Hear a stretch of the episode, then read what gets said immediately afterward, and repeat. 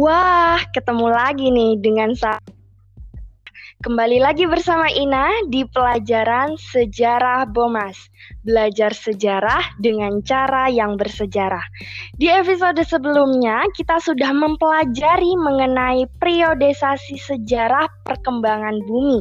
Dan di episode kali ini, kita akan mempelajari mengenai strategi VOC dalam monopoli dan kolonialisasi. Seperti biasanya nih, Ina ditemani lagi oleh guru sejarah kita, yaitu Bapak Ali Murtado. Selamat datang, Pak Halo Ina. Halo Pak, bagaimana Pak kabarnya kali ini? Alhamdulillah baik, Nah. Alhamdulillah.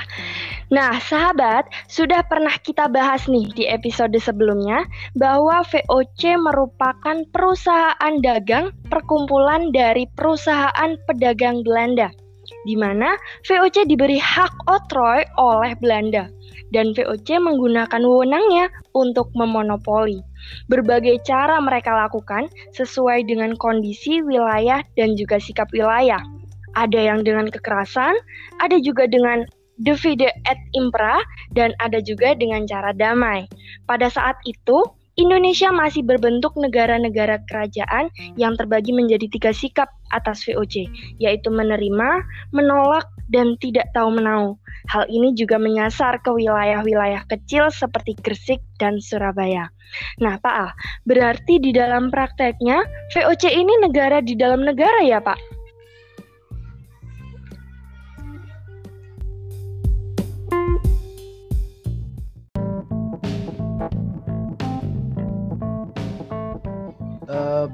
Bisa dibilang begitu. Jadi uh, karena mempunyai hak haknya itu seperti kelakuannya negara. Maksudnya itu hak-hak yang dimiliki oleh VOC ini seolah-olah VOC itu sebuah negara. Jadi kan ada intinya itu hak oktroy itu iya. yang diberikan tanggal 20 Maret 1602 selain hak monopoli, mereka juga bisa membuat angkatan perang. Jadi bikin tentara.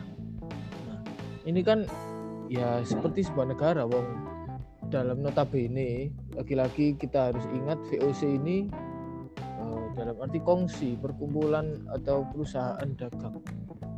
Yeah. Perusahaan dagang memiliki angkatan perang. Nah itu kan sebuah apa ya?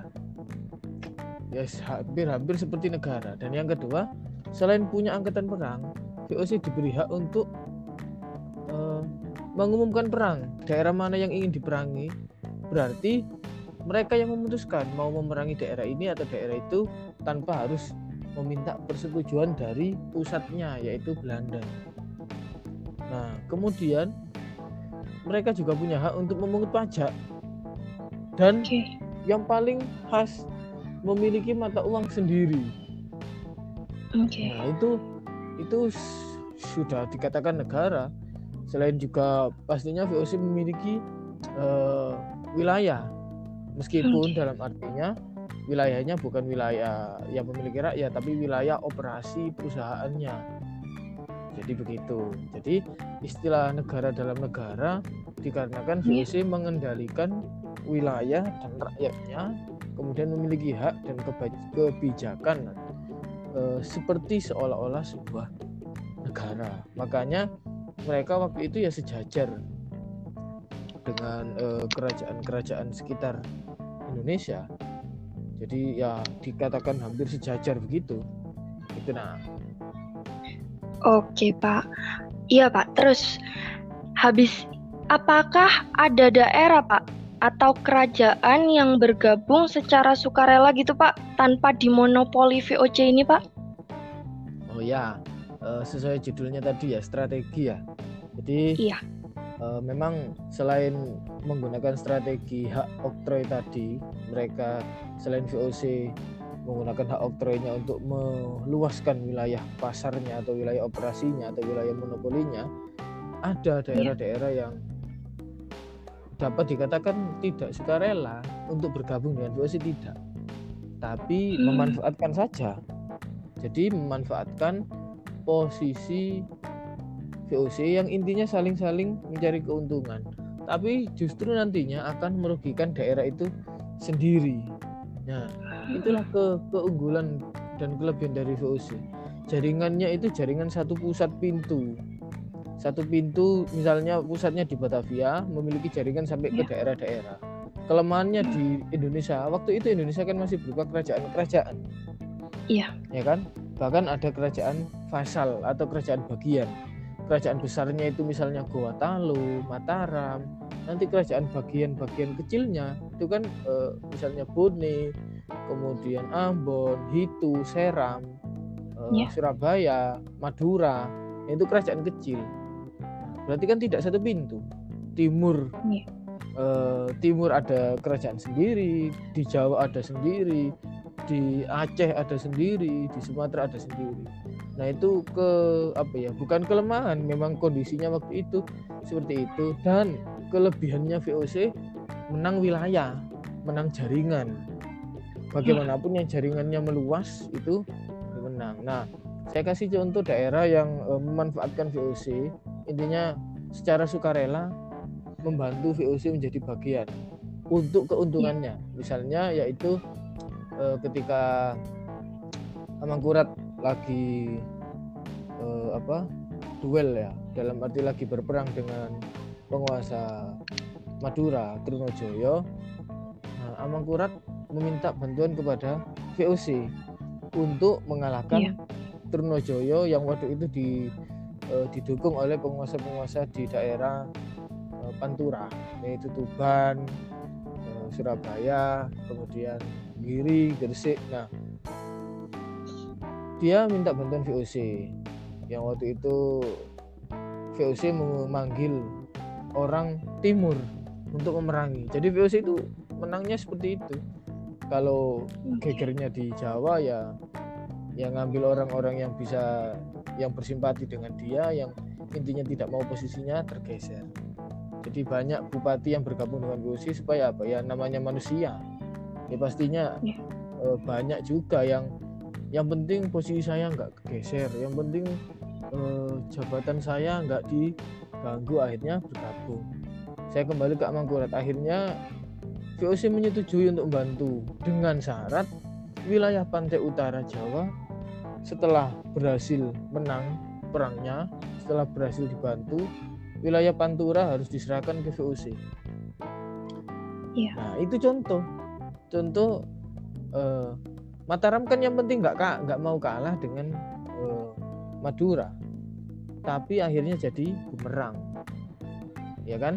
Jadi ya. bumerang uh, wilayahnya diambil oleh VOC di Pantura itu. Akhirnya Pantura Pantai Utara Jawa uh, menjadi bagian dari wilayah monopoli VOC jadi daerah taklukannya VOC banyak sekali contoh-contohnya seperti geger pecinan atau perang kuning.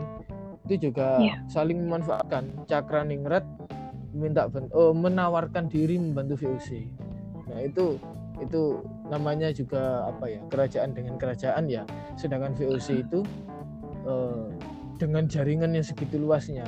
Tapi ya nggak nggak pernah VOC mengeluarkan pasukan orang Belanda sendiri itu enggak paling hmm. ya hanya sekitar 100 200 Belanda. Yang 1000 orang Jawa. Atau yang 1000 orang Bone.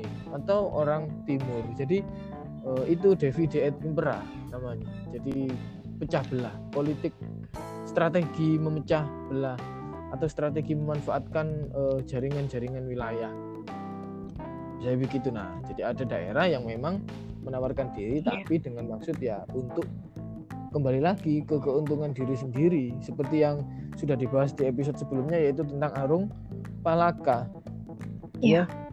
Menawarkan diri membantu VOC karena dia dijajah.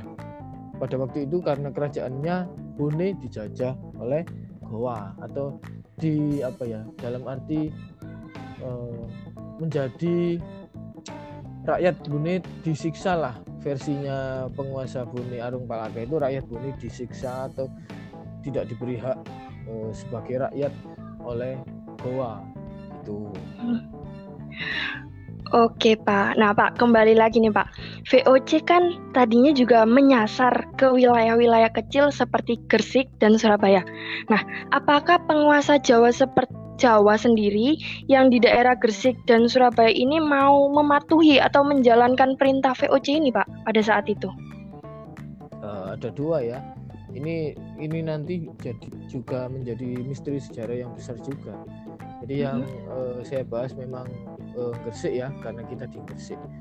Misalnya yeah. Gresik uh, kita tahu ada bupati dari Tandes namanya Tumenggung Pusmonegoro. Tandes itu nama lain atau nama dulunya atau nama kunonya Gresik. Yeah. Pusmonegoro ini diangkat oleh siapa? Tahu? Siapa Pak? Enggak Pak. Pusmonegoro ini diangkat oleh Mataram atas persetujuan VOC atau dalam arti lain diangkat oleh VOC. Nah, itu kan kalau kita katakan apa ya? Ya melibat langsung ke wilayah-wilayah kecil juga. Namun pada waktu itu sih wilayahnya besar, dalam arti pengaruhnya sangat besar. Makanya apalagi iya. VOC memiliki dendam dengan Giri.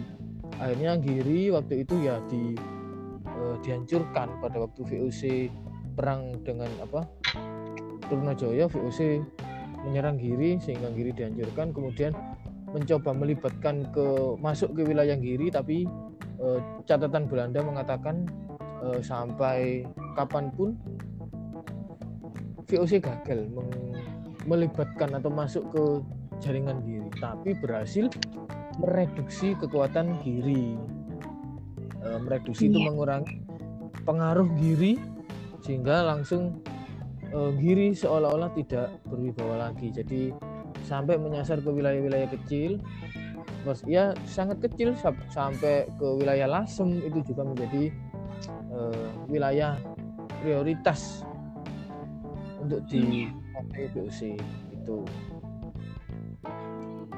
Oke Pak, jelas. Jadi kesimpulannya nih sahabat, VOC ini memiliki hak otroy yang mereka gunakan untuk menguasai daerah Nusantara. Dan mereka ada yang bersikap keras, divide et impera, dan juga ada yang dengan cara damai. Sedangkan masyarakat di Indonesia sendiri ada yang bersikap menolak, menerima, dan tidak tahu menau terhadap kedatangannya VOC ini. Setelah itu, ada juga daerah yang memanfaatkan VOC, tetapi dengan tujuan mereka yaitu mencari keuntungan. Seperti yang tadi dijelaskan oleh Pak Al, contohnya yaitu Amangkura tadi yang meminta bantuan oleh VOC untuk keuntungannya sendiri. Tetapi ya kembali lagi, VOC meminta syarat pada Amangkurat untuk meminta satu wilayah dari Nusantara. Itulah cerita mengenai strategi VOC dalam monopoli kolonialisasi. Oke, sampai di sini saja. Iya, Pak? Ya, saya jadi uh, sedikit ada pesan. Apa tuh Pak? Boleh Pak?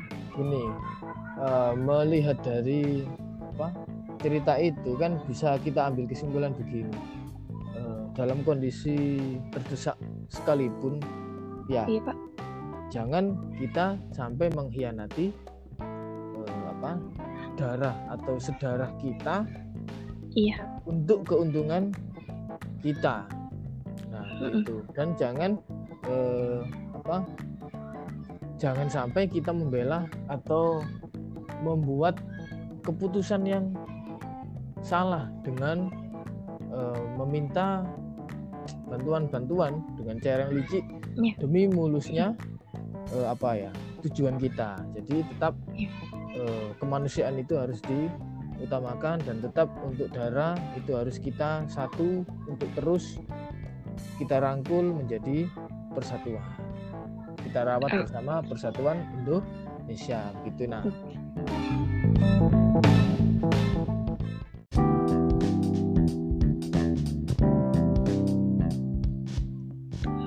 Iya, betul banget kesimpulannya dari Pak Al. Nah, sampai di sini saja materi kita hari ini. Terima kasih pada Pak Al yang sudah menjelaskan materi kita hari ini, Pak. Sama-sama, Ina. Semoga bermanfaat untuk teman-teman semua. Sampai jumpa di episode selanjutnya, teman-teman.